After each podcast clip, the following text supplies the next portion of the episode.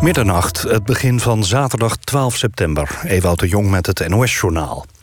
De voorrangsregeling voor leraren en zorgmedewerkers... die op corona moeten worden getest... kan volgens minister De Jonge van Volksgezondheid... eind volgende week ingaan. De minister denkt dat de voorrangsregeling maar een paar weken nodig is. Vanaf begin oktober kunnen er volgens hem dagelijks 50.000 tests worden gedaan. En dat zou genoeg moeten zijn om aan de vraag te voldoen. Ook Bahrein heeft diplomatieke banden aangeknoopt met Israël... na Egypte, Jordanië en de Verenigde Arabische Emiraten. President Trump maakte het nieuws bekend... na een telefonische vergadering met de Israëlische premier... en de Bahreinse koning. In een gezamenlijke verklaring spreken ze van een historische doorbraak... voor het vredesproces in het Midden-Oosten. De eilandstaat Bahrein was nooit in oorlog met Israël. De landen hadden al informele banden. De politie heeft in de regio Amsterdam een drugsbende opgerold. Vier mensen zijn opgepakt in de leeftijd van 25 tot 46 jaar. De recherche hield de groep al een tijd in de gaten. Afgelopen middag zijn invallen gedaan in onder meer Amsterdam, Uithoorn en een badplaats in Spanje. Daarbij zijn grote hoeveelheden softdrugs, vuurwapens en een paar honderdduizend euro in beslag genomen. De streamingdienst Voetbal TV is deze week failliet verklaard. Voetbal TV bestond sinds 2018. Via camera's op amateurvoetbalvelden konden liefhebbers honderden wedstrijden online volgen. Volgens de autoriteit persoonsgegevens werd daarmee de privacy van de spelers geschonden. Omdat de clubs wel akkoord waren met de camera's, maar de individuele speler werd niks gevraagd. Deze zomer kreeg Voetbal TV daarom een strafmaatregel opgelegd... en werden alle opnames stilgelegd. En nu blijkt dus dat eerder deze week een faillissement werd aangevraagd. Het weer, plaatselijk wat nevel of mist. Minimaal landinwaarts rond 8 graden, aan zee wat minder fris. Overdag eerst flink wat zon. In het westen en noorden wolkenvelden met later mogelijk wat regen. Met een stevige zuidwestelijke wind wordt het 19 tot 22 graden. Na morgen droog met steeds meer zon en flink oplopende temperaturen. Dit was het NOS Journaal. NPO Radio 1. VPRO. Nooit meer slapen.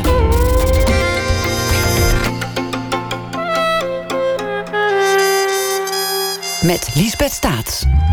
Goedenacht en welkom bij Nooit meer slapen. Mijn gast Corine Kolen is jurylid van het Rode Oor. Een schrijfwedstrijd waarin gezocht wordt naar het beste korte erotische verhaal. Maandag wordt bekend wie de winnaar is. Het is een lastig concours, want Corine Kolen weet zelf als geen ander hoe moeilijk het is om goed over erotiek en seks te schrijven zonder dat het plat of gewoon lelijk wordt. Met meer dan duizend interviews en reportages over liefde, relaties en lust op haar naam is Kolen namelijk de chroniqueur van ons liefdesleven. Althans, voor de lezers van het Volkskrant Magazine, Dagblad de Morgen in België en lezers van de Linda. Ze tekent verhalen op over geslaagde, mislukte, grote en kleine liefdes, geheime flirts en verstandshuwelijken. Haar stukken begonnen ooit als experiment dat zes maanden zou duren, maar de rubriek werd al snel de populairste van de krant en het magazine en is nu al 18 jaar een wekelijks baken. De wijze lessen uit al die liefdesverhalen deelden ze in het boek De Zeven Wetten van de Liefde in 2018. En Kolen maakt ook de podcast van Twee Kanten voor de Volkskrant en heeft een theaterprogramma waarin ze live en onvoorbereid mensen interviewt voor publiek. Gemene deler, de liefde, zeker. Maar ook het feit dat haar gasten en geïnterviewden nooit BN'ers zijn, maar altijd onbekende Nederlanders voor het grotere publiek. Corine Kolen werd in 1962 geboren in Gorkum en trok na de middelbare school naar Amsterdam, waar ze haar bestemming vond als schrijver en ze vond de liefde. Welkom Corine. Dank je. We gaan uh, snel praten, maar eerst gaan we nog even naar Marcella Mesker, die bij de US Open is. Marcella. Ja, want uh, toch wel ontwikkeling in de derde set. Uh, eerste twee sets voor Pablo Carreño Busta, de Spanjaard... die tegen Alexander Zverev speelt. 6-3, 6-2, duidelijke score. Maar nu een breekvoorsprong voor Alexander Zverev. Hij uh, verandert zijn tactiek. Hij is meer in de baan gaan spelen, op de baseline gaan staan... en de ballen gewoon aanpakken. En een soort alles-of-niets tactiek toepast. En daarbij heeft hij dus een voorsprong genomen. Of hij de wedstrijd nog kan keren, moeten we zien. Hij zal nog drie sets moeten winnen. Het is een best of five. Maar het is in ieder geval een betere start... dan we in die eerste twee sets hebben gezien. Twee sets tegen nul dus nog voor de Spanjaard Carreño Busta. Maar Zverev nu in set 3 op 3-2 voorsprong. Dankjewel Marcella. Corine Kolen, ik heet je al welkom. We gaan praten over de liefde en... Um, Nou, alle verhalen die jij optekent in de afgelopen 18 jaar. Ik noemde net al even in de introductie dat je jurylid bent in, uh, bij het Rode Oor, een schrijfwedstrijd voor het korte erotische verhaal. Waarom is dat zo'n lastig genre? Zo'n passage of een, ja, verhaal. Het is ontzettend moeilijk om een beetje om, goed over seks te schrijven. Dat lukt bijna niemand. Zelfs de grote schrijvers hebben er moeite mee. En het, het is natuurlijk ook, weet je, ik heb het zelf ook wel eens geprobeerd in de Linda. Ik heb wel eens een keer zo'n rubriek gedaan. Dat heette De Laatste Keer. En dat was, uh, dat ging over de laatste keer wanneer iemand seks had gehad. Mhm. Dus ik, heb, ik weet zelf ook hoe ingewikkeld het is. Want je wil al die woorden als neuken en seks en geil en zo wil je vermijden. Want dat zijn gewoon nare platte woorden. Maar dan moet je de andere woorden dus het, is, het mooiste is als je het nou, allemaal niet benoemt. Maar het moet natuurlijk ook weer niet te poëtisch worden. Dus het is heel ingewikkeld. Dus het is voor een schrijver een technisch ingewikkelde opdracht? Nou ja, eigenlijk wel. Ja, ik denk het wel. Ik denk dat er zijn maar weinig die het echt, eh, echt lukt. Ja. En dan, uh, ja, het is, uh, het is moeilijk. Moeilijk. En zit er wat bij in, bij het Rode Ja, nou ja, ik heb er wel een paar bij gevonden. Dus ik ben benieuwd of mijn mede-juryleden die ook als beste hebben. Daar oh, ga ik natuurlijk niks over zeggen, want nee. dat wordt maandag pas bekend. Maar ja, nee, er zit, er zit zeker wat bij, ja. ja maar dat, de verhalen die ik dan het mooiste vind, zijn de verhalen die er uh, nou ja, die niet expliciet worden, maar uh, en ook onverwacht, weet je wel, die, die erotiek gewoon op een onverwachte manier benaderen en, en niet op ja, een soort van kijk mij is, want dat wordt het natuurlijk heel snel. En die schrijvers, dat zijn aspirantschrijvers of zijn het al gearriveerde mensen? Nee, volgens mij zijn het aspirantschrijvers, ja. Die dan meteen zich aan zo'n moeilijke opdracht ja, wagen. Ja, ja, ja. Um, morgen sta jij weer opnieuw in het Volkskrant Magazine met een uh, verhaal over de liefde. Mm -hmm. Ik kon het wel lezen online. Uh, je hebt Willem gesproken, 63. Die uh, onverwacht na een periode van uh, verlies, hij is twee dierbaren kwijtgeraakt. Dan ontmoet hij een charmante Française in een Spaans hotel. Juist op het moment dat hij dus heel erg in de put zit. En ze zijn heel erg hotel de botel op elkaar. Nou, het is echt een mhm. heerlijk verhaal om te lezen. Ja, vond je het leuk? Ja, ja. ja. Ik ging oh, grappig. Ja, ik vond het een beetje sprookjesachtig. Ja, ja, ja. Het was een Spaans hotelletje. En, uh... Ja, ja, ja. Dat was een hele aardige man. Maar het grappig, ik probeer het een beetje af te wisselen. Je, soms heb je hele dramatische stukken. En dan is het ook heel fijn om af en toe gewoon een soort van... Uh, ja, eigenlijk een vrolijk happy end uh, Ja, dit was inderdaad een happy end. En hoe kwam jij aan Willem? Ja, Willem die meldt zichzelf aan zegt ik ben Willem, ik heb een leuk verhaal. Ja, want mensen kunnen jou mailen ja. via de krant. Ja, ja. En en ja, ik snap heel goed waarom jij het wil opschrijven. En waarom wil hij het vertellen? Of mensen als Willem? Waarom willen mensen graag hun verhaal in de krant? Ja, dat, dat weet ik natuurlijk nooit precies. Maar ik heb wel een vermoeden. Ik denk dat het is omdat... Uh, ja, wie, kijk, het is heel fijn om uh, je verhaal te kunnen vertellen... zonder steeds in de reden te worden gevallen. Weet je? Het is heel mooi om geportretteerd te worden... en eigenlijk bijna bij wijze van spreken... een soort lamp op je gericht te krijgen... en dan gewoon ja, uh, te kunnen schitteren. Want dat is het eigenlijk. Het is eigenlijk een soort alsof ik een fotograaf ben en een hele mooie foto van iemand maak. Van, en goed belicht. En die dan bij wijze van spreken aan de muur kan hangen. Kijk, dit ben ik op dat moment. En uh, ja, het is ook vaak dat mensen dan een verhaal hebben gehoord of gelezen in die rubriek. En dat ze dan denken van, oh, maar mijn verhaal lijkt er een beetje op. Maar eigenlijk moeten ze dan dit ook nog, deze kant ook nog belichten. Wel, belichten. Ja, en dan, dan heb je het helemaal. Dus ja, zo, uh, zo blijven melden, mensen zich aanmelden. Dus mensen reageren vaak op een verhaal en denken, ja, ja maar dan moet je dit ook horen. Nou, soms. Ja, zeker. Zeker, ja. En je zei net in een bijzin, ja, het is fijn om niet in de reden gevallen te worden. Is dat jouw tactiek? Laat je nou, nee, nee, nee. Ik, ik vraag natuurlijk, maar het is fijn om gewoon gehoord te worden. Misschien moet ik het zo zeggen. Het is gewoon fijn om onbevooroordeeld gehoord te worden. Want als je je verhaal tegen vrienden vertelt, ja, dan zeggen altijd vrienden hebben of hun eigen verhaal die ze graag, dat ze graag kwijt willen. Of ze hebben meteen een mening, zeker als het over liefde gaat. Mm. Mensen willen altijd adviezen geven. Dat doe ik natuurlijk allemaal niet. Ik luister alleen maar. en, en dat lijkt me ook best lastig om geen adviezen te geven. Want je hebt zoveel gehoord al. Je zult vast patronen herkennen. Ja. Nee, dat is opnieuw voorbij zien komen. Dat is ook zo, maar ik weet dat het ten koste van het goede verhaal gaat als je met adviezen zou, als je een, een oordeel zou hebben. Want dan kan je niet voorkomen dat het oordeel ook in je stuk uh, doorklinkt. Dus het is gewoon, uh, het zou heel onprofessioneel van mij zijn als ik dat zou doen. En, en hoe reageren mensen als ze hun eigen verhaal in de krant zien, als het uitgeschreven is? Nou ja, ik laat het natuurlijk altijd lezen voordat het in de krant komt. Hè. Uh, ja, nou, soms uh, laatst had ik een meneer die, die eigenlijk helemaal niet blij was. En, maar dat gebeurt eigenlijk heel zelden. wat was er met die meneer? Ja, wat was er met die meneer? Nou, het was eigenlijk. Hij had iets heel erg vervelends meegemaakt. En hij uh, wilde eigenlijk daar een soort van. Dat hebben heel veel mensen. Die willen dan een periode afsluiten. En dan, dan willen ze dan een soort van verhaal. En denken ze: dan kan ik, kan ik opnieuw beginnen. Maar ja, je kon, hij kon niet voorkomen dat dat vervelende ook in dat stuk terecht kwam. En hij had gehoopt dat het mooier zou zijn dan. Nou, hij vertelt dat. Nou, ik vertel het nu een beetje, want ik kan natuurlijk niet echt vertellen wat hij allemaal gezegd heeft. Maar soms, eh, ja, mensen die denken dan van dit wordt een halleluja-verhaal. Terwijl het natuurlijk toch gewoon journalistiek is. Het is niet een, een uh, foto. Het is wel eentje met ruwe kantjes. No filters. Ja. ja, no filters. Ja. En is dat ook een beetje de functie van het vertellen voor die mensen? Dat jij ook dan nou, een kritische vraag stelt, anders dan hun vrienden. Ja, ja, ja dat, nou, dat, is, ook, dat is ook zo. Ik, ik zeur natuurlijk ontzettend door. En ik wil gewoon alles weten, alle details. En, maar ook van wat ze dachten op dat moment. En mensen weten natuurlijk nooit wat ze dachten. Maar wel, als ze erover nagaan denken, als ze die momenten weer helemaal terughalen. En ineens dan denken ze, oh ja, nee, maar ik dacht toen dat en dat. En ik deed toen dit en dit. En ineens begint dat dan, weet je wel, zo'n soort van in hun hoofd allemaal te kloppen. En dan komen ze ineens tot conclusies of inzichten die ze eigenlijk daarvoor nog niet hadden. En dat vind ik altijd het mooiste. Als dat gebeurt, dan gebeurt er iets, iets echt, iets wat nieuw is op dat moment. Dat is heel leuk. En kun je een voorbeeld geven?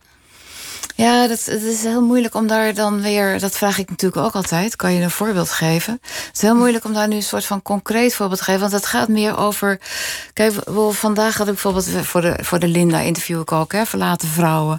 En. Uh, ja, dan gaat het over een vrouw die in de steek gelaten is door haar man. En mensen zijn dan heel snel geneigd om daar overheen te, kletsen. Weet je wel, ik ben in de steek gelaten, maar daarna begint de ellende. Maar ik vind het dan heel mooi om haar te laten vertellen over het moment dat ze in de steek gelaten is. Dus waar zat ze en waar, uh, wat zei hij precies tegen haar. En op het moment dat ze dat dan allemaal terughaalt, dan beginnen ook allemaal dingetjes weer in haar hoofd te ratelen. Van, oh ja, zo zat het en zo was het en zo. Oh, zou, en soms zeg ik ook, wel zou het misschien kunnen dat? En dan zegt ze, oh ja, ja, zou kunnen, maar weet je, en dan komt dan ontstaat er een gesprek. En dat is veel leuker dan alleen maar uh, vragen oplezen, antwoorden, vragen oplezen, antwoorden. Ja. Dan kom je niet mee. En de, de mensen die jou benaderen, die zich opgeven, um, zijn die er altijd al, ja, dat klinkt een beetje therapeutisch, maar aan toe om hun verhaal te vertellen? Is het altijd al een tijdje geleden? Of is het. Nee, nou, die vrouw die van, van, van vanmiddag, dat was echt. Uh, een paar maanden geleden dat ze in de steek gelaten was. Dus dat was helemaal niet een tijdje geleden. Nee. Maar ja, of ze dan toe zijn, dat bepalen ze zelf natuurlijk. Ja, maar ik kan me voorstellen dat jij ook wel inmiddels inzicht hebt in... oh, dit is nog zo vers. Oh ja, nee, dat kan, mij helemaal niks schelen. Hoe verser, hoe beter. Maar het hoeft ook niet per se vers te zijn. Nee, dat, dat, dat maakt me helemaal niet uit. Nee. En wat... Er wordt ook heel veel gehuild in de interviews. Ja, dat ja. vroeg me af. Ja. ja. Vind je dat een... Ja, is dat, is dat goed als dat gebeurt? Nee, nee, helemaal. Het kan me niet schelen. Want het komt ook niet voor in het interview. Ik schrijf, want omdat het citaten zijn, het zijn gewoon quotes. Dus je leest niet dat iemand snikt of huilt of wat dan ook. En, uh, nee, maar het, het, maakt mij niet uit. Ik vind het niet erg. Ik ben er niet door gegeneerd. En ook niet andersom, weet je. Het is ook niet dat ik heel graag wil dat dat gebeurt. Nee. Het gebeurt. hoe lang uh, doe je over zo'n interview? Of hoe lang neem je de tijd? Meestal zo anderhalf uur. En zijn mensen dan ook klaar? Of willen die dan nog door met jou? Nou, dan ben ik wel klaar. Ja, dan na anderhalf uur gewoon iemand in iemand duiken. Echt in iemand kruipen, want dat is het echt. Dan, dan ben je gewoon ook moe, ja. vind ik. En, en hoe selecteer je mensen? Wat mailen ze? Wat, wat, wat, wat triggert je als ze mailen? Nou ja, eigenlijk selecteer ik niet heel erg. In principe vind ik dat ik overal op af moet gaan en kan gaan. Dat doe ik ook. Soms dan heb ik wel eens een verhaal dat ik denk van ja, dit lijkt een beetje op het verhaal van vorige maand. Die, die maar even niet. Weet je wel. Ik heb een periode gehad dat er heel veel dames van in de 50 zich aanmelden met nieuwe minnaars. En dat probeer je dan wel een beetje te, ja, een beetje, een beetje goed uh, te verdelen over de, de tijd. En waar lag dat aan? Was dat mode? Ja, dat weet ik niet. Dat weet ik niet. Want soms heb je van die hypejes. Dat is heel gek. Dan ineens is dan melden zich allemaal mensen aan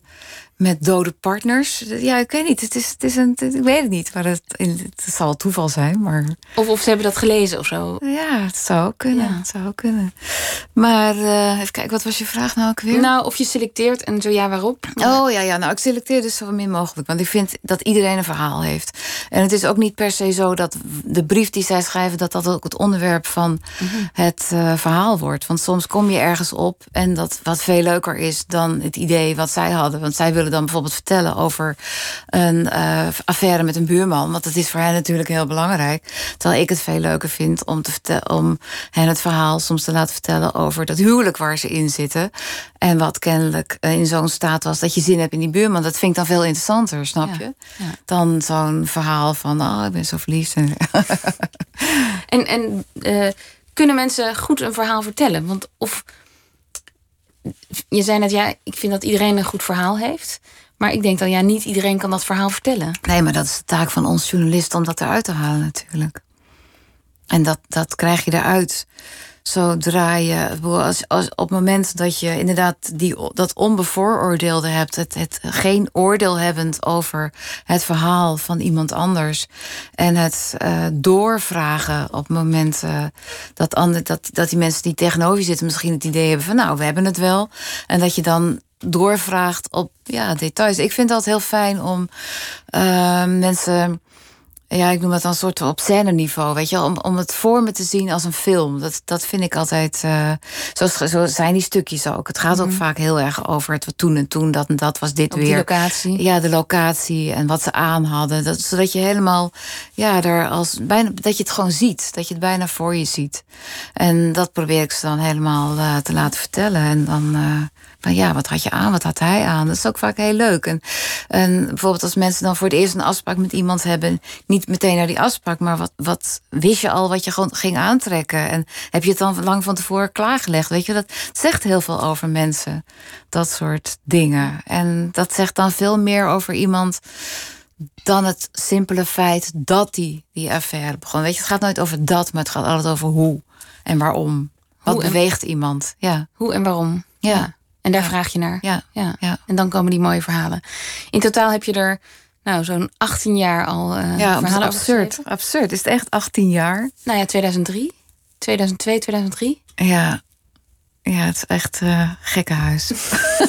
en is er nooit in die 18 jaar, bijna twee decennia, een moment geweest dat je dacht: ja, dit verhaal heb ik al een keer gehoord. Ja, nee. Ja, nee kijk, er zijn natuurlijk altijd een aantal archetypen. Wat ik net noem, vrouw wordt verliefd, man wordt verliefd. Uh, iemand gaat dood. Of, uh, maar altijd is er... Kijk, mensen zijn nooit hetzelfde. Als, als jij nu een verhouding begint met iemand anders... ben jij ook weer iemand anders.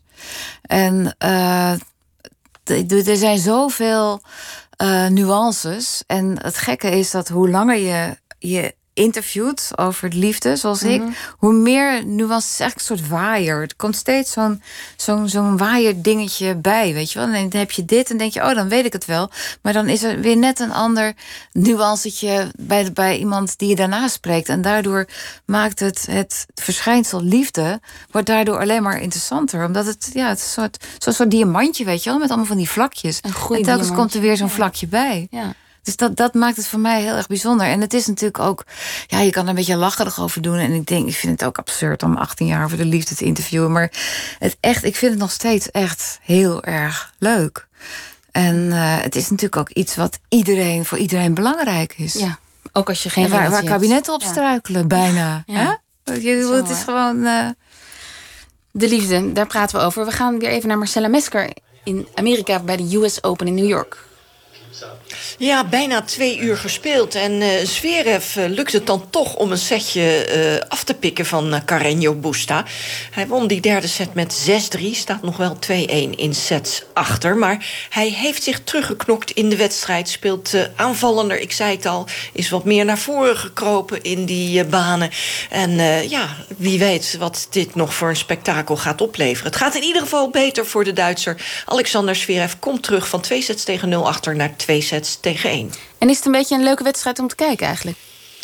Nou, eerste twee sets helemaal niet. Dat was echt uh, doorzitten. Okay. Maar nu de derde set, nu het leuker is... Uh, ja, dan wordt het spannender. Nu begint het goed tennis te worden. Oh, nou, veel plezier daar nog. We spreken je misschien zo. Ja, dank je.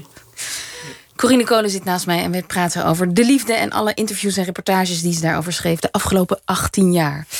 Um, je hebt ooit over... het nog maar zin. Ja. nou ja, met bewondering zeg ik oh, het. Het, is, uh, het, is, zeker geen, uh, geen schande. Wat een, wat een staat van dienst. Um, over je manier van, van interviewen heb je ooit gezegd... ik help ze, en dat zijn dan je gasten... het ongezegde gezegd te maken. hoe bedoel je dat precies? Ik kan me daar wel iets bij voorstellen, maar. Nou, iets, dat... Bedoel je dan iets dat zij nog nooit gezegd hebben? Nou ja, daar bedoel ik mee dat, dat iedereen is geneigd om in gemeenplaatsen te praten als het om de liefde gaat. Omdat het zo'n. Uh, ja, het, het, weet je, mensen hebben het over um, thuiskomen. Iedereen, iedereen, als je vraagt. Thuiskomen? Van, ja, het gevoel dat wat je hebt als je iemand tegenkomt die je heel erg leuk vindt. Mensen die verliefd zijn of worden. En ik vraag wat vind je leuk aan hem, zegt bijna iedereen: ik had het gevoel dat ik thuis kwam. En dan hebben ze het gevoel dat, dat, dat ze gewoon echt zeggen: van, nou, dan, dan snap jij wel wat ik bedoel. Dat gevoel dat ik thuis. En als je dan door gaat vragen, dan blijkt dat dat gevoel van thuiskomen voor iedereen net iets anders betekent. En dat bedoel ik met het ongezegde gezegd maken. Want zij denken dan, logisch, want ja, dat, dat, dat ze iets Mhm. verteld hebben, maar dat hebben ze nog helemaal niet. Ze vertellen pas als je door gaat vragen, door gaat vragen, door gaat vragen enzovoort. En dan, dan komt er iets naar boven waarvan zij ook denken van, oh ja, nee, maar inderdaad, dit, dit, dit is de essentie. En dat, dat, ja, dat verwoord je niet als je in je eentje bent. Nee. En ook niet als je gewoon een beetje zit te babbelen met een vriendin. Dus de methode kolen is dat je uh, niet genoegen neemt met um, een algemene term. Nee, dat Je pelt nooit. hem helemaal af. Ja, zeker. Ja. Ja. Zelfs weet je, als mensen zeggen van ja, wat, wat, zeg ik, wat, wat voor je leuk aan hem? Zeggen ze, nou ja, zijn lach en zijn ogen. Maar wat dan aan zijn lach en wat dan aan zijn ogen? Ja, ja, nou ja. En dan Ja, moet weet ze niet. echt, nee, weet ik niet. En dan moet ze heel lang nadenken. En zeg maar, wat, wat, probeer nou eens even. Oh ja, nou, en dan begint ze een heel verhaal soms over, over ogen of over een neus. En dat is dan een verhaal wat je nog niet eerder hebt gehoord. Terwijl je natuurlijk duizend keer al hebt gehoord dat mensen ogen leuk vinden, monden en lachen. Maar dat verhaal dan nog net niet. En Nee. ja, dat, dat is toch heel bijzonder. Dat is heel bijzonder, ja. In, je hebt eh, over al die inzichten en liefdeslessen een eh, boek geschreven in 2018. De Zeven Wetten van de Liefde. En het motto voor in het boek is een eh, uitspraak van de beroemde Amerikaanse journaliste Joan Didion. We tell each other stories in order to live. Waarom koos je die uitspraak? Nou ja, omdat dat het, het vertellen van verhalen, dat geeft een soort ehm, eh, orde in de chaos. Dat is natuurlijk, geldt natuurlijk ook voor schrijven, maar dat geldt ook voor het vertellen van verhalen. En eh, daardoor kan je weer verder. En dat geldt zeker voor al die mensen, of voor heel veel van die mensen die ik spreek, die vertellen het omdat ze enorm. Ik kreeg laatst ook een brief, zo'n lange brief, echt. Nou ja, half Jij geeft nu meter. een halve meter aan, meter, ja. En die vrouw die zei: Help me, ik, ik, ben, ik ben helemaal in de war. Ik weet niet hoe ik dit. Nou ja, en dat is dan een extreem voorbeeld. Maar dan, dan ja, door zo'n interview kan zij weer. Ja, het is bijna soort. Soms is het bijna Ja. therapeutisch. Ja. ja. Vind je Ja, dat ik een leuke geld rol? verdienen als ik me als. eh, Maar vind je dat een leuke rol? Die rol van een beetje de therapeut. Nou ja, het is natuurlijk helemaal niet de van- therapeut. Ik ben natuurlijk helemaal geen therapeut, want daarna heb ik nooit meer met ze te maken. Ik moet er niet aan denken dat ik een therapeut, want dan had ik ook de verantwoordelijkheid. Die heb ik niet. Ik, ik, ga- ik, ga, ik kom, ik ga weer weg. Ik zie ze nooit meer. Dat vind ik er fijn aan.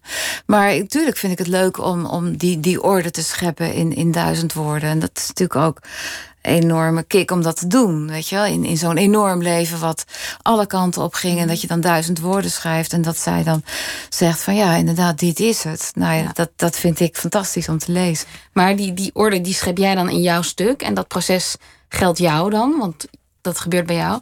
Maar bij haar gebeurt, in dit geval haar of hem, ehm, gebeurt dat dan ook. Ja, precies. Maar vind je dat ook een leuk? Ja, precies. leuke kant Ja, dat vind ik heel erg leuk Ja. Dat je dat bij de ander ziet gebeuren. Ja, Ja. ja, ja. ja. In ehm, de mensen die, over wie wij lezen, dat zijn dus mensen die jou eerst gelezen hebben en dan reageren op eh, het e-mailadres in de krant. Dat, zijn dus een, dat is dus een publiek van krantenlezers. Ja, Vrij hoog opgeleid, Ja. valt me op. ja. Over, ja, dat kan ik niet lezen, maar lijken me witte mensen of zo. ja, dat vind ik ook heel jammer hoor. Ja. We hebben ook wel eens een keer een oproepje gedaan van willen er de mensen zich ook aanmelden. Maar ja, dan krijg je gewoon drie, eh, weet je, maar dat vind ik ook heel erg jammer. Dat vind ik ook een makker van de rubriek, eerlijk gezegd. ja. En daar hebben we het ook al heel vaak over gehad. Maar het is, ja, het is gewoon moeilijk om, eh, om, om andere mensen binnen Ja, te dan moet je krijgen. eigenlijk uit die kranten Ja, dan moet je uit de krant. Ja, ja, die krant. zou- ja, Ja. ja. dat is. eh, Dan moet je echt eh, de straat op. ja. ja, dan moet je de straat op. Zeker. Is dat iets wat bij je past? Mensen aanspreken op terrassen of markten? Of... Nou, op terrassenmarkt. Het lijkt mij heel leuk om te doen, ja. Zou, ik, zou dat wel, eh, ik zou dat wel willen. Ik Ja. heb een tijdje in AMC rondgelopen. En daar heb ik een, eh, een jaar lang een portret gemaakt van het ziekenhuis. En daar deed ik dat ook, weet je. Dan, dan loop je ook op mensen af, stap je ook op mensen af. En mensen die daar een sigaretje staan te roken... met een infuus aan hun arm, echt, dat komt toen nog daar. En eh, ja, ik vind, het, ik vind dat heel spannend. Ik vind het heel leuk om te doen. Dat, echt, dat is met je rouw Ja, roving precies. reporting. Ja, ja, ja, zeker. Misschien is dat nog een, eh, Ja, wie een weet. tak van sport voor deze, voor deze rubriek. Ja. Ehm, je hebt natuurlijk het landschap van de liefde ook wel zien veranderen. Want ehm 15 jaar geleden was er nog geen Tinder volgens mij. Nee, Of andere online dating apps. nee. Hebben die het liefdespel veranderd? In jouw ogen? Ja, maar niet zo dramatisch als heel veel mensen denken. Want ik bedoel, dat Tinder is gewoon het, wat, wat vroeger het café was. Dan keek je ook Ja, gewoon. is dat zo? Ja, ik denk voor een groot deel wel. Vroeger, als je in het café ging, dan keek je toch ook eerst naar iemand of je er leuk uit vond zien. Nou, dat is bij Tinder nu ook zo. Dus, en, en bovendien, mensen gaan na, na, na drie keer heen en weer appen, spreken ze toch weer live af. Mhm. Zeker voor die coronatijd. Dus ik, ik, ik, ik vind dat niet zo'n dramatische ontwikkeling. Nee, maar in een café kun je nog zien hoe iemand met zijn vrienden omgaat. Hoe die lacht. Ja, maar goed, wat ik zeg, weet je wel, mensen die, die ontmoeten elkaar op Tinder en die denken van, oh, die vind ik wel leuk. En dan, dan, dan klets je een paar keer heen en weer. Nou ja, dan heb je ook al een heel erg persoonlijk contact. Ja. En dan spreken ze vaak na drie keer af, Af, ergens. ja. En dan zie je ook weer hoe die Ja. lacht. Dus ja, ik weet het niet. Ik, ik, eh, mensen doen daar heel erg eh, alsof het een verschraling is van de liefde.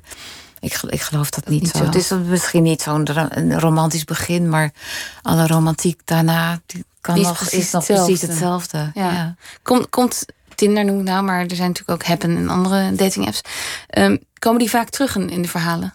Ja, ja, het gekke is dat ook daar weer zo'n treintje in was. Een tijdje geleden, toen Tinder net opkwam... toen kreeg ik heel veel mensen die elkaar op die manier hadden leren kennen. En dat is nu ook weer eventjes eh, wat minder. Maar ja, je hebt ze natuurlijk wel. Ja, Ja. En dan die coronatijd. Het verhaal van morgen in de krant. ja, eh, van de genoemde Willem. Die Ja. zijn eh Française ontmoette in een Spaans hotel. Die, dat bleef, die kreeg verkering. En hij in Nederland en zij in Frankrijk. Ja. Door corona konden ze elkaar niet zien. ja, ja. Dat, dat, die golf komt er waarschijnlijk Ja, aan. zeker. Nou, ik ben, ik ben nu een boek aan het maken. Het komt als het goed is in januari eh, uit. En dat gaat over, dat heet Verstoord Verlangen. En dat gaat ook daarover. Het gaat eigenlijk over de enorme effecten, enorme hoeveelheden effecten. En, en ook totaal eh, verschillende effecten van die, eh, van die rare lockdown. En van het afstand houden op, op de liefde. Op de liefde. Totaal iets wat, wat tegennatuurlijk is. Mhm.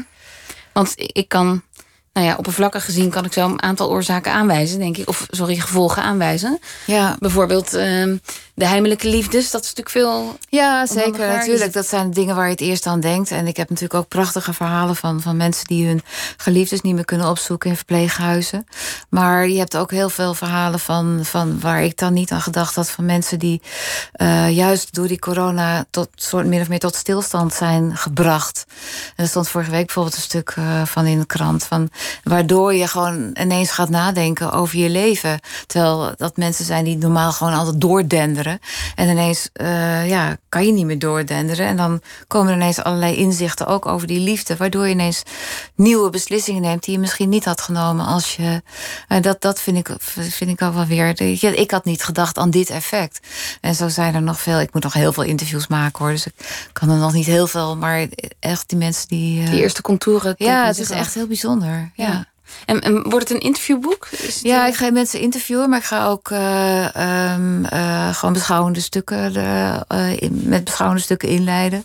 En ik ga ook ehm, deskundigen interviewen. Dus dat wordt een soort, ja, een veelomvattend. Het boek over liefde in corona. Ja, ja. In tijden van corona. Het was Ja. zo'n gezegde, hè? Dat iedereen zei liefde in tijden van corona. ja, precies, dat wil ik ook vermijden. Liefde in tijden van cholera, ja. ja. Ja.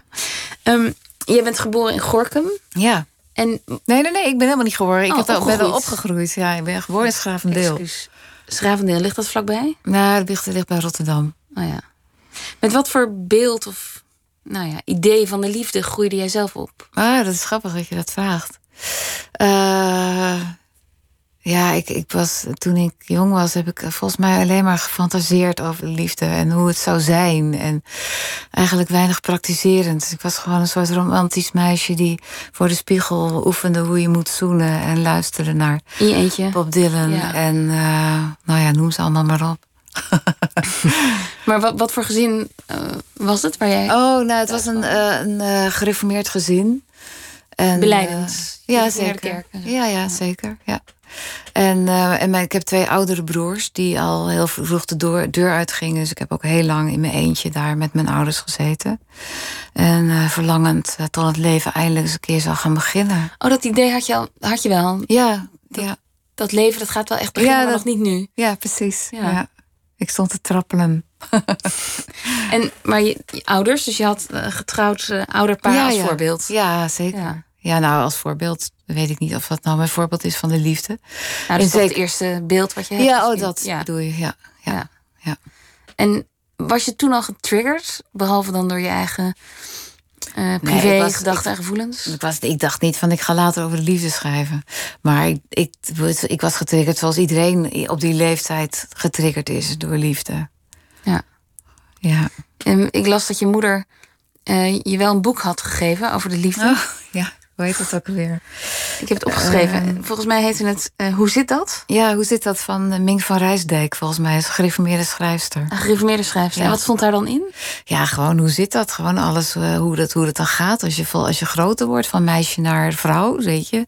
Hoe je lichaam verandert en seksuele gevoelens en dat soort dingen. Klinkt vrij liberaal eigenlijk. Ja, maar het was ook niet zo, we waren ook niet heel erg verstikt milieu of zo hoor. Mijn moeder die had heel keurig HBS gedaan. En mijn broers hebben ook allebei gestudeerd, net als ik. En, maar het was wel, uh, ja, het was, het was wel een klein milieu. Het was niet een. Uh, daarom wilde ik er ook wel heel graag uit, denk ik. En kreeg ik van mijn broer, die toen inderdaad studeerde, Ik, Jij, Wij allemaal. Dat was zo'n jaren zeventig boek. Ja, grappig. Ja. En wat stond daar dan Ja, in? nou ook zoiets als van Mink van Rijsdijk, maar dan weer net iets uh, vrijer. En, uh, maar ja, ik weet niet of ik daar nou zo heel veel van opgestoken heb. Ja. Nee. Dat leven, dat zag jij uh, beginnen in Amsterdam. Daar ging je heen, naar de Ja. middelbare school. Je Ja. ging communicatiewetenschap studeren. Wat ja, voor eerst andragologie. Andragologie. Ja, dat Die bestaat, bestaat al niet lang meer, niet meer, nee. Wat was dat voor Terecht studie? ook. Ja, het was eigenlijk dat een soort van, eh, ja, zoals je pedagogiek hebt, was dat andragologie, maar dan voor volwassenen eigenlijk. Dus het welzijnswerk, maar dan als, als wetenschapper sta je dan weer daar ergens boven te beschouwen. Wel, nou ja, echt vreselijke studie. Oké. maar wat voor tijd was het toen jij in Amsterdam aankwam? Ja, dat was een, een tijd dat Amsterdam eh, echt één grote puinhoop was. Alle eh, ramen en deuren waren dichtgetimmerd. En eh, tijd van, van kraken. Ik was ook, nou ja, een beetje salonvege kraker. En die, ik heb ook heel lang daar gewoond in Oost. In zo'n dichtgetimmerd, Amsterdam-Oost. In zo'n dichtgetimmerd pand. Waar je dan petroleum ging kopen op de hoek. Omdat er geen kachel was. En geen douche. En dat kan je nou niet meer voorstellen. Amsterdam is zo schoongepoetst. Vergeleken met die tijd. Er was ge- geen woning, geen kroning. Dat- daar liepen wij... eh, Maar die overgang was enorm. van. Amsterdam Ja. daar naartoe. Nou, Ja, ik had ook broers naar die studeerden. Dus ik, ik Ook in Amsterdam? Ja, één broer studeerde in Amsterdam, een ander in, eh, in, ehm, in Utrecht. Dus ik kende alle, alle leuzen van Johnson, Moordenaar. hoe Dat, dat, dat kende ik allemaal wel al een beetje. Maar het is natuurlijk, ik weet nog dat ik in Amsterdam ging wonen... en dat ik van de Munt naar Zuid moest rijden... dat ik totaal de verkeerde kant op reed... en me zo ongelukkig voelde. En ik weet nog de geur van K-Dum, zeep. Ken je dat? Zeg Nee, je dat wat? Nee. Ja, ik weet dat dat. En als ik dat nu nog ruik, dan voel ik nog dat eenzame gevoel op dat kamertje in, in Zuid. Is dat nog steeds te koop dan, die Dat zeep? weet ik niet, maar ik, ik heb, het is heel lang nog te koop geweest. En als ik dat dan rook, dan ook de geur van zuivere peper. Want ik kookte natuurlijk wel, maar ik kon niet koken. Dus ik had alleen zout en peper. En dat gooide ik dan over mijn... Nou ja, ik, ik was echt... Nee, het was, was geen leuke tijd. Het was geen leuke tijd, maar je, hebt, je bent wel gebleven. Je bent niet teruggegaan. Nee, natuurlijk niet, want dat was nog veel erger. Nou ja, Nee, nee, nee, nee. Het, wordt, het werd na een tijdje ook wel wat beter. Maar van die, van die eerste, eerste maanden herinner ik me alleen maar eh, eenzaamheid. en had je vrienden? Woon je Jawel, zo'n jawel. En ik had ook een vriendje en die woonde daar ook. Maar toch, toch voelde ik alleen. Maar ik, ja, je woont dan bij een hospita in een kamer. Dat is, dat is echt niet leuk. Die, die, die gewoon heel vervelend was ook. En, eh, ja, moeilijke periode. Moeilijke periode. Maar je wist wel dat je, dat je wilde schrijven, dus je had wel een doel. Ja, maar dat, van, dat, dat schrijven was voor mij toen ook zoiets bijna onbereikbaars... dat ik nauwelijks durfde te zeggen dat ik wilde schrijven. Dus dat heeft heel lang geduurd nog. Ik, weet, ik ben pas echt, dat, toen ik bij blad, Filmblad Koop ben gaan schrijven... maar toen Dat studeerde was je eerste ja, maar, schrijfklus. ja, precies. Maar toen, eh, dat was echt jaren later nadat ik in Amsterdam was komen wonen. Daar heb je lang over gedaan. Om het voor jezelf. Ja, ik en denk dat ik eigenlijk een heel somber meisje was in het begin. Somber? Als ik dat nu terug, als ik nu terugkijk, wel. Ja. Ja. En krijg je dat ook wel eens te horen van vrienden? Ja, Of waren die ook somber? Hadden die dat? Ja, die waren denk ik ook wel somber. Ik denk dat ik heel, ja, ja, dat krijg ik wel eens te horen van de mensen die ik nog ken uit die tijd. Ja, was ik heel ingewikkeld en somber. Oh. en ehm, toen ik las dat je wel wist dat je wilde schrijven, maar je tegelijkertijd ook verlegen opstelde of was en, en somber voelde. Dat lijkt een beetje een contradictie. Want schrijven is toch expressie en ook laten zien: kijk, hier ben ik. En voor een groot publiek je werk eh, tonen. Ja, maar kijk, dat interview is natuurlijk niet kijk wie ben ik. Kijk hier ben ik. Het is kijk hier ben ik via anderen. Dat is natuurlijk wat anders dan. eh, Ja, En het is natuurlijk toch maar een wel van. publiceren is wel een stuk of een recensie in het geval van dat filmblad. Ja, ja, natuurlijk. Ja, nee, natuurlijk. Ik had een enorme bewijsdrang. natuurlijk. Ik wilde gewoon. Ja, want dat zit, toch, dat zit er toch in. En ja, ik, ik- dat wilde ik wel heel erg graag. Ik weet nog dat ik eens een keertje met een vriendje toen in een café zat. En dat die zei, wat wil je nu echt? Want toen zat ik in die stomme andragologie tussen al die... Ja, dat waren, ja, ik voelde me daar zo niet thuis. En toen zei ik, ja, ik zou het liefst willen schrijven. Al is het maar brandjes blussen. En weet je, brandjes, brandjes Verslaan. verslaan. ja. En eh, ja, zo, ja. En wat zei hij toen? Doen. Ja, hij zei doen. Ja. Ja. En hoe ben je toen begonnen? Bij Scope? Nou, toen, ben ik, toen zag ik op een gegeven moment zo'n advertentietje voor het blad Scoop. En toen dacht ik van, nou, ik ga gewoon solliciteren. En eh, nou ja, dat was eh, fijn. Je hebt ook bij ehm, Vrij Nederland gewerkt, Ja, later, en NRC. ja, ja. En ik las dat je zei... ik wilde heel graag mijn eigen stem vinden als journalist of als schrijver. Had je een idee bij wat die stem moest zijn? Ehm, nee, ik denk niet dat ik een idee had welke stem dat moet zijn. Maar dat, dat, dat kan je denk ik ook niet echt hebben. Want dat, dat ontwikkelt zich. Misschien ontwikkelt zich dat nog steeds. Maar je wist wel dat je het wilde. Ja, natuurlijk. Maar ik denk dat iedereen dat wil die schrijft. Denk je niet? Ja, zo bewust dat je denkt... ik moet mijn eigen handtekening heel snel hier onderzetten. Ja. Ja, ik weet het niet. Had je voorbeelden? Grote voorbeelden? Nou ja, ik zit nu even te denken wie dan bijvoorbeeld. Je hebt natuurlijk elke periode heb je een ander voorbeeld. Ik weet nog wel dat ik toen. Ik was destijds ook bevriend met Martin Bril. En ik deelde ook kantoor met hem. En ik, ik was wel heel erg onder de indruk van de manier waarop hij zijn stukken schreef. Niet dat ik dat nadeed. Maar hij maakte toen ook voor, eh, voor eh, Esquire bijvoorbeeld van die prachtige. Ehm, ja, van die, van die portretten van mensen, weet je wel. En niet alleen eh citerend, maar ook eh, gewoon beschrijvend. Hij kon dat zo waanzinnig goed. Ja, die grote voorbeelden waren natuurlijk ook de New Yorker, waar hij het ook weer van had. En eh, Ja. dat, vond ik, dat vond ik echt fantastisch. Maar, en bij Vrij Nederland en NRC, dat waren toen nog echt, een, of nou ja, ook toen enorme instituten Ja. van journalistiek. Ja, ja. En Veel meer dan nu, dacht althans NRC niet, maar Vrij Nederland eh, natuurlijk. Ja. ja, en, en, en hoe, hoe was dat om daar binnen te komen? Ja, dat, ik beginnende me gewoon, ja, fantastisch. Maar ik, ik kwam toen bij Scope en daar zaten, ik had het geluk dat daar heel veel mensen zaten die ook bij die andere kranten zaten. Dus die, ja, als je dan een beetje ambitie had, dan werd je al eh, snel gevraagd voor, eh, om ook eens een keer een stukje voor hen, voor die andere krant te schrijven. Dus ik was 24, toen mocht ik al voor NRC en Avenue had je toen, de, de Linda van toen. Ja. en eh, ja, in Vrij Nederland. En er zat Joop van Tijn. En het waren echt, ja, er waren mannen tegen wie je opkeek. En er waren mannen die dan, zo Joop van Tijn, die, die las dan je, je schreef dat stuk voor Joop. En Joop las het ook. En die belde je ook. En, die, die, en ik weet nog helemaal hoe hij de telefoon opnam. En hoe hij dan weer neerlegde. En dat je met bonzend hart dan weer gewoon aan het werk gestuurd werd. Omdat het niet goed bevonden werd door Joop. Ja, dat, ik vond het, ja, het is natuurlijk fantastisch was dat. Maar en is het dan niet lastig om in zo'n dominante omgeving je eigen stem te vinden? Ja, natuurlijk. Is dat. Is er ja, dan niet bij? Ja, ja, nee, maar Nee, het is, het is, ja, dat, ik denk niet dat dat per se lastig is.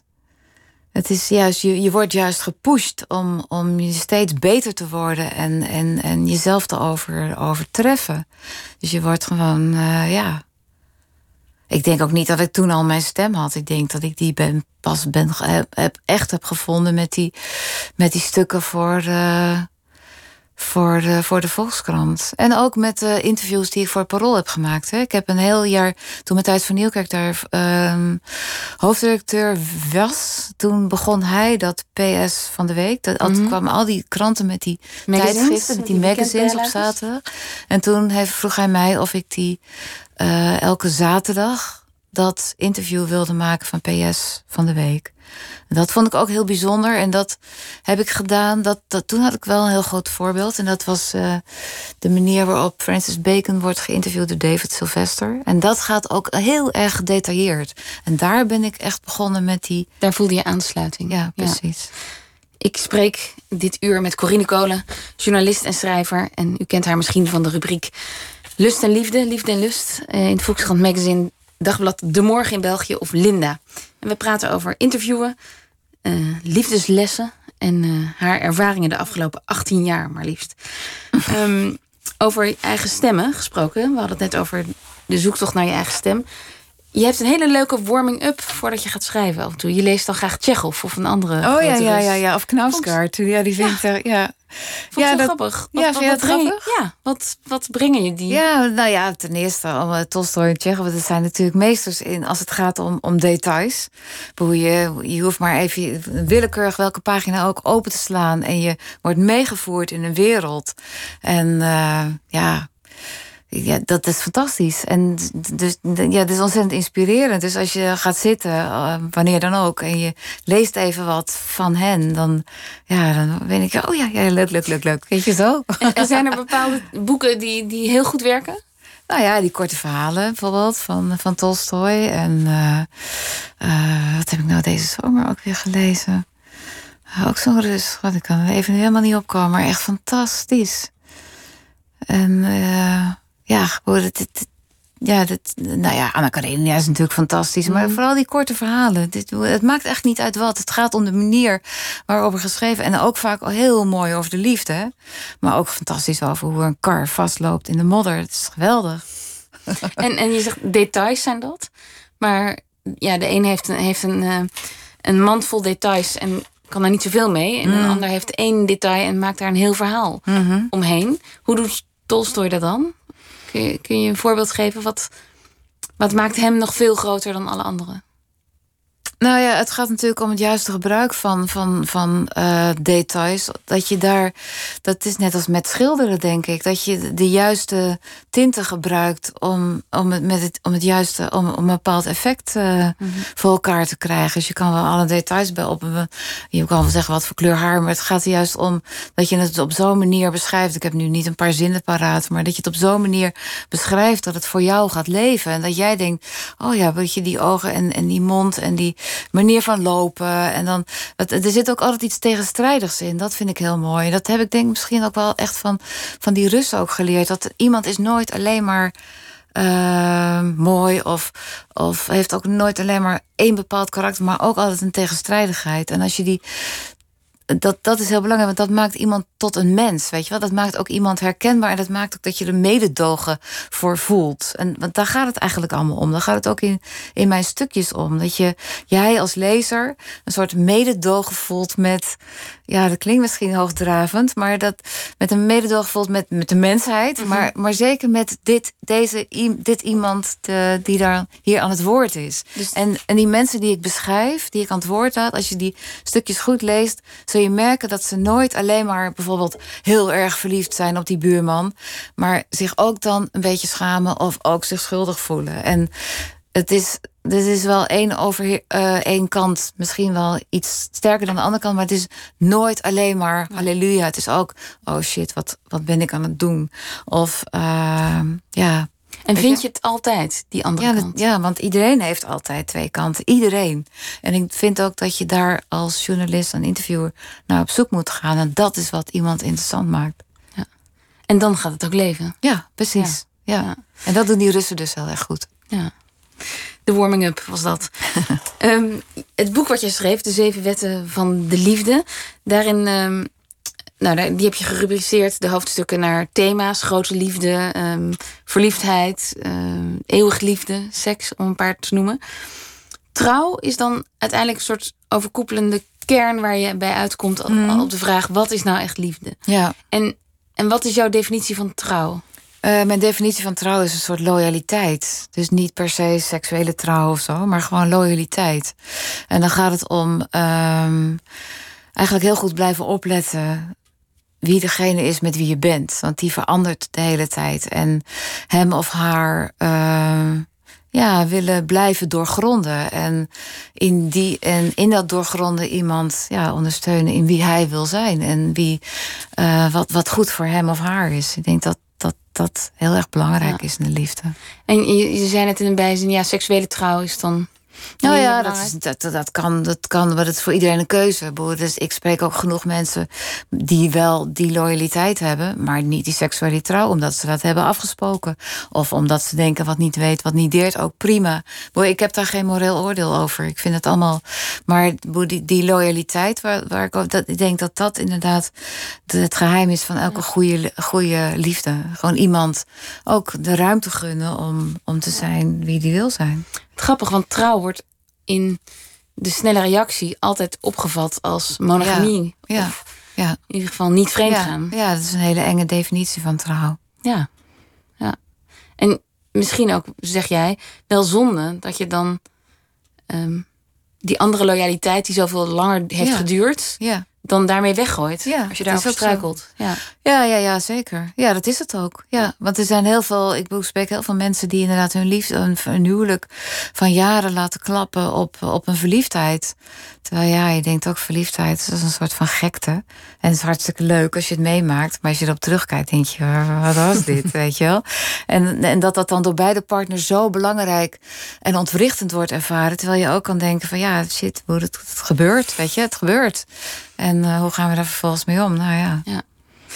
Wat ik ook interessant vond, is dat je zegt, ja, een grote liefde kan niet synoniem zijn, of je grote liefde, uh, kan niet synoniem zijn met het huwelijk als instituut. Dus er gebeuren in die twee begrippen hele andere dingen die, die niet verenigbaar zijn. Kun je dat, kun je dat toelichten? Uh, die niet verenigbaar zijn. Nou ja, het huwelijk als instituut. Pijn romantiek. En... Ja, nee, het huwelijk als instituut wringt natuurlijk met grote liefde, vind ik. Ik heb helemaal niks met het huwelijk. Ik hoef ook niet. Ik ben getrouwd, maar niet omdat ik zo, zo nodig moest trouwen. Ik vind Waarom ben je dan getrouwd? Ja, gewoon uh, van zakelijke overwegingen. Gewoon voor het huis. Ja, heel uh, ordinair. Maar uh, het was ook absoluut niet de mooiste dag van mijn leven. Ik, ik heb er niks mee. Ik, ik zat vorige week in de trein met mijn dochter en die zei: Ik ga een huwelijksfeest geven, maar ik ga vervolgens niet trouwen. En ik begreep dat zo goed, mijn dochter van 21. En toen dacht ik ook van ja, ik snap dat wel. Ze zei van ja, je gaat toch niet aan iemand beloven dat je. Dat kan toch niet? En bovendien, dan is de spanning eraf. Dan hoef je niet meer je best. En dat, dat begreep ik eigenlijk heel erg goed. Weet je, het, is, het huwelijk is, is een soort van. Maar ervaar jij dat ook zo? Zo van als je een huwelijk sluit dan zeg je eigenlijk, nou ja, het is af, laat maar of zo. Dan ja, hoef je er niet meer voor te vechten. Ik, ik snap best dat het voor andere mensen een romantisch iets is. Maar uh, ja, ik vind het eigenlijk een beetje een... Um, ja, nee, het, natuurlijk is het niet echt zo. Maar zo voelt het voor mij wel een beetje, ja. ja. ja. En over je eigen huwelijk heb je gezegd... ja, we hebben... Dat, dat moet niet te veel samen zijn. Dus geen gemeenschappelijke rekeningen. Ja, nou, dat, is, dat heeft daar meestal mee te maken, inderdaad. Ja. Met het gevoel. Geen gemeenschappelijk e-mailadres? Precies, nou, dat al helemaal niet, nee. Hebben mensen dat nog eigenlijk? Ja, ja, er zijn mensen die, meneer en mevrouw, eh, ja, die hebben dat nog wel, ja. Ja, Ja, wat nee, staat jou daar dan in tegen? Nou, dat je niet meer. NOF ik wil zo graag het gevoel blijven houden. Ook al is het misschien een illusie. Nou, ik ben al meer dan 30 jaar met mijn man. Het gevoel blijven houden dat je nog steeds je best voor elkaar moet doen. En dat je nog steeds iets hebt wat de ander bijvoorbeeld niet weet. En weet je wel, een soort van. Nou, niet echt een geheim, maar dat je elkaar niet helemaal bezit. Of niet- elkaar niet helemaal tot 100% ja, eh, doorgrond hebt, kent. Dat er Terwijl de altijd praktijk iets eh, doe je natuurlijk heel veel samen. Natuurlijk. Drie En- kinderen en in de jouw praktijk- geval. Ja, zeker. Maar dat wil ook niet. Ik, ik denk ook dat ik heb een, een, nou ja, een man die zich nooit helemaal zal leren kennen. En aan de ene kant is dat vervelend. Maar aan de andere kant vind ik dat ook heel erg fijn. Want ik denk niet dat ik. Dat je, dan ben je zo snel. Dan ben je op een gegeven moment toch op iemand uitgekeken of zo. Ik weet het niet. Ik, ik vind het heel fijn. Het idee dat je elkaar nog kan blijven verrassen. En eh, ja. Jouw man is Rogier Proper, de scenario schrijver. Ja, ja. En, eh, en ik dacht, toen ik las dat hij jouw man was, dacht ik, oh, die vinden elkaar natuurlijk heel erg met dat schrijven. Jij over de liefde. Hij heeft Nou ja, heel hij heeft lang mij voor- leren schrijven eigenlijk. Leren schrijven. zelfs. Nou ja, hij was mijn baas bij Scope. En ik heb hem daar leren kennen. Dus ik was 24 en hij was 41.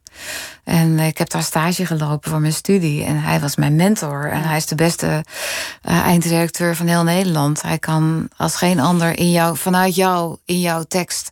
Dus hij heeft mij echt... eh, zonder hem had ik dit allemaal niet gekund. Nee. Dus ik dacht, nou, die zijn juist dus heel erg samen. Want die verstaan elkaar via hun Ja. woorden op papier. Ja, dat is ook zo. Ja. Echt, ik heb hem eh, volgens mij de eerste, nou, misschien wel twintig jaar van mijn schrijversbestaan, heb ik hem alles laten lezen. Wat de deur voor, voordat hij. na- Dat klinkt eigenlijk heel symbiotisch. ja, is ook zo. Maar toch is het niet symbiotisch. Nee. Nee, maar weet je wat ik naar vind? Want nu weet ik van, van een huwelijk, dat het ook heel graag gaat over. En dat vind ik ook vervelend. Dat vind ik zelf vervelend aan getrouwd zijn en samenwonen. Dat het ook heel erg gaat over allemaal flauwekul dingen. Zoals ehm, bijvoorbeeld eh, de restjes in de koelkast. En eh, wie doet wat. En eh, ruim je rotzooi op. En weet je. En, en ik zou eigenlijk als romanticus zou ik willen dat het inderdaad alleen maar over schrijven gaat. En over boeken lezen en over films. En weet je. En elkaar leren kennen. Ja, Ja. ja. Hm, hoe lang, maar dan hoe kun je het dan zo lang volhouden? Want die rommel en die koelkast, ja, die komen toch dagelijks voor. Ja, is ook zo. Maar om, dat, dat, dat, dat, dat is wat ik zeg. Dat, je, dat ik nu nog steeds het gevoel heb dat ik hem nog steeds niet helemaal ken. En dat er nog steeds dingen te ontdekken zijn. En ik denk dat dat. En, en, het, en het loslaten. Dus niet alles eh, samen willen doen. Iemand lukt dat goed? vrijheid gunnen. Ja, dat lukt heel erg goed, ja. Ja, dat denk ik wel. Hoe hij, eh, misschien nog wel beter dan ik, verstaat heel erg de kunst om, eh, om, om te zien wat goed voor mij is. Wat, wat mij doet eh, bloeien, zou ik maar zeggen. En dat is inderdaad gewoon af en toe in mijn eentje te kunnen schrijven. Aan boeken of dingen. En dat, ik weet nog dat de kinderen heel jong waren. Dat ik bij wijze van spreken die, die jongste van de, van de borst moest halen. En van hier is ze en ik ga nu weg. Ik ga nu naar het buitenland. En dan ga ik daar een week zitten schrijven. En dat vond, allemaal, vond hij allemaal prima. Ja. En dat is heel belangrijk als je iemand En dat is zo dus iemand ook hebt. trouw. Dat is enorme trouw. Ja. Ja. trouw aan. Ja. Ja, jij zou eigenlijk een hele goede kandidaat zijn voor je eigen rubriek. Waarom denk je dat? Nou, met dit verhaal dat je eerst een soort leerling-meesterverhouding hebt. Dan wordt het gelijkwaardiger, neem ik aan. Ja, En iemand die je twintig jaar lang al je stukjes laat lezen, ja, maar toch nog niet helemaal kent. ja. Ja. Ja. Ja. Ehm, eh, ja, de liefde heb je nu de af- afgelopen jaren enorm ontgonnen. Zijn er andere terreinen nog waarvan je denkt... misschien moet ik daar eens mijn hengel naar uitslaan? Je bedoelt andere onderwerpen? Ja. Oh ja, nou ja, weet je wat ik dan, wat ik heel erg leuk vond om te doen, dus dat, dat jaar bij het AMC, dat vond ik echt fantastisch. Want dat Ja. was wat, wat voor boek of project was Ja, dat? dat, eh, dat was een, eh, ook voor de Volkskrant Magazine. Het was gewoon een jaar lang elke zaterdag ook. En daar volgde ik steeds iemand anders binnen dat ziekenhuis. Bij het werk. Gewoon een beetje verslag van iemands dag. Of, Ja, ja. ja, van, eh, van een eh, open hartoperatie bijvoorbeeld. Maar ook van iemand die, eh, bij, die, die de was deed en iemand die schoonmaakte en patiënten. En ja, ik was bij echt fantastische operaties. En ik weet nog, mijn moeder zei vroeger altijd al tegen mij: toen jij achter op de fiets zat, toen wilde je of schrijfster of dokter wil worden. Nou ja, ik had heel graag zo'n witte jas, maar het zat er niet in. Maar nu mocht ik met die witte jas lopen. En iedereen dacht, die mij langs zag lopen, dacht dat ik dokter... En ik vond dat zo opwindend. Maar ik vind zo'n zo'n ziekenhuis... Waarom, waarom vind je dat opwindend? Ja, ik weet niet. Ik vind, vind ja, zo'n ziekenhuis, op het moment dat ik daar binnenkom...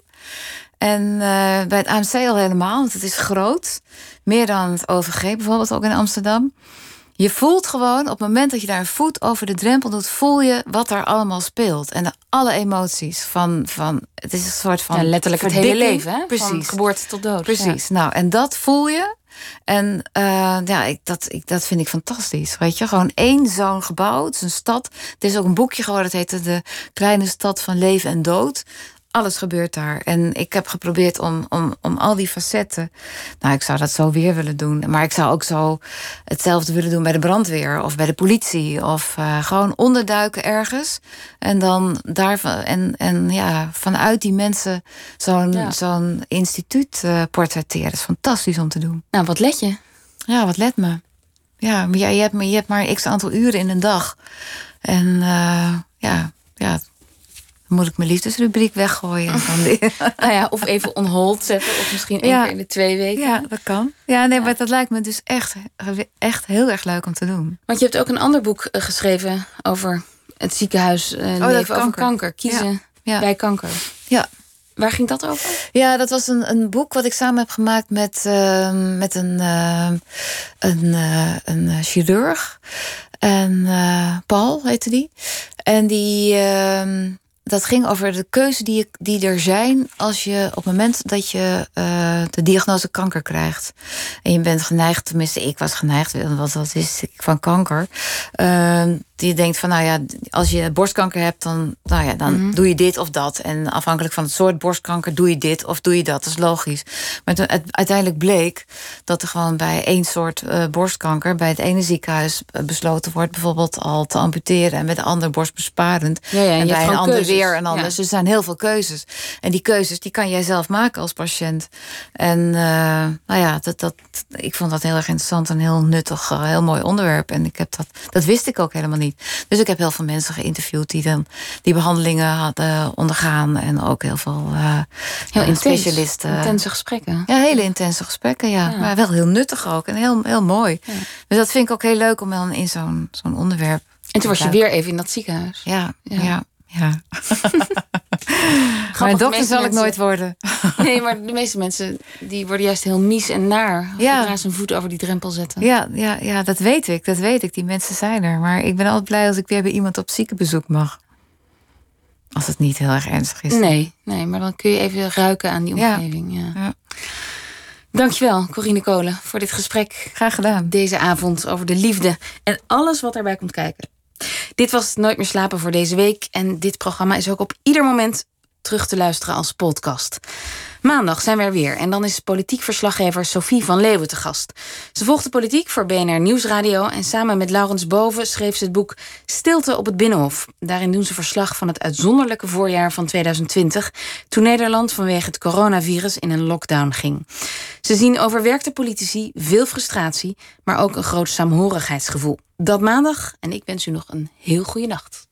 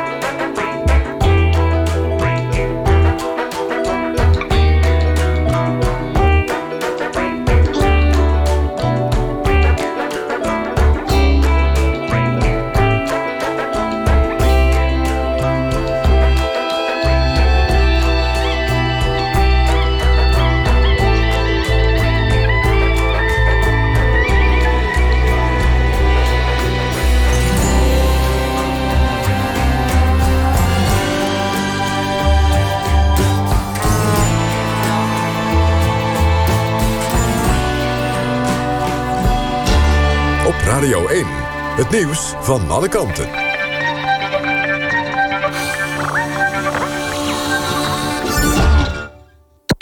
NPO Radio 1.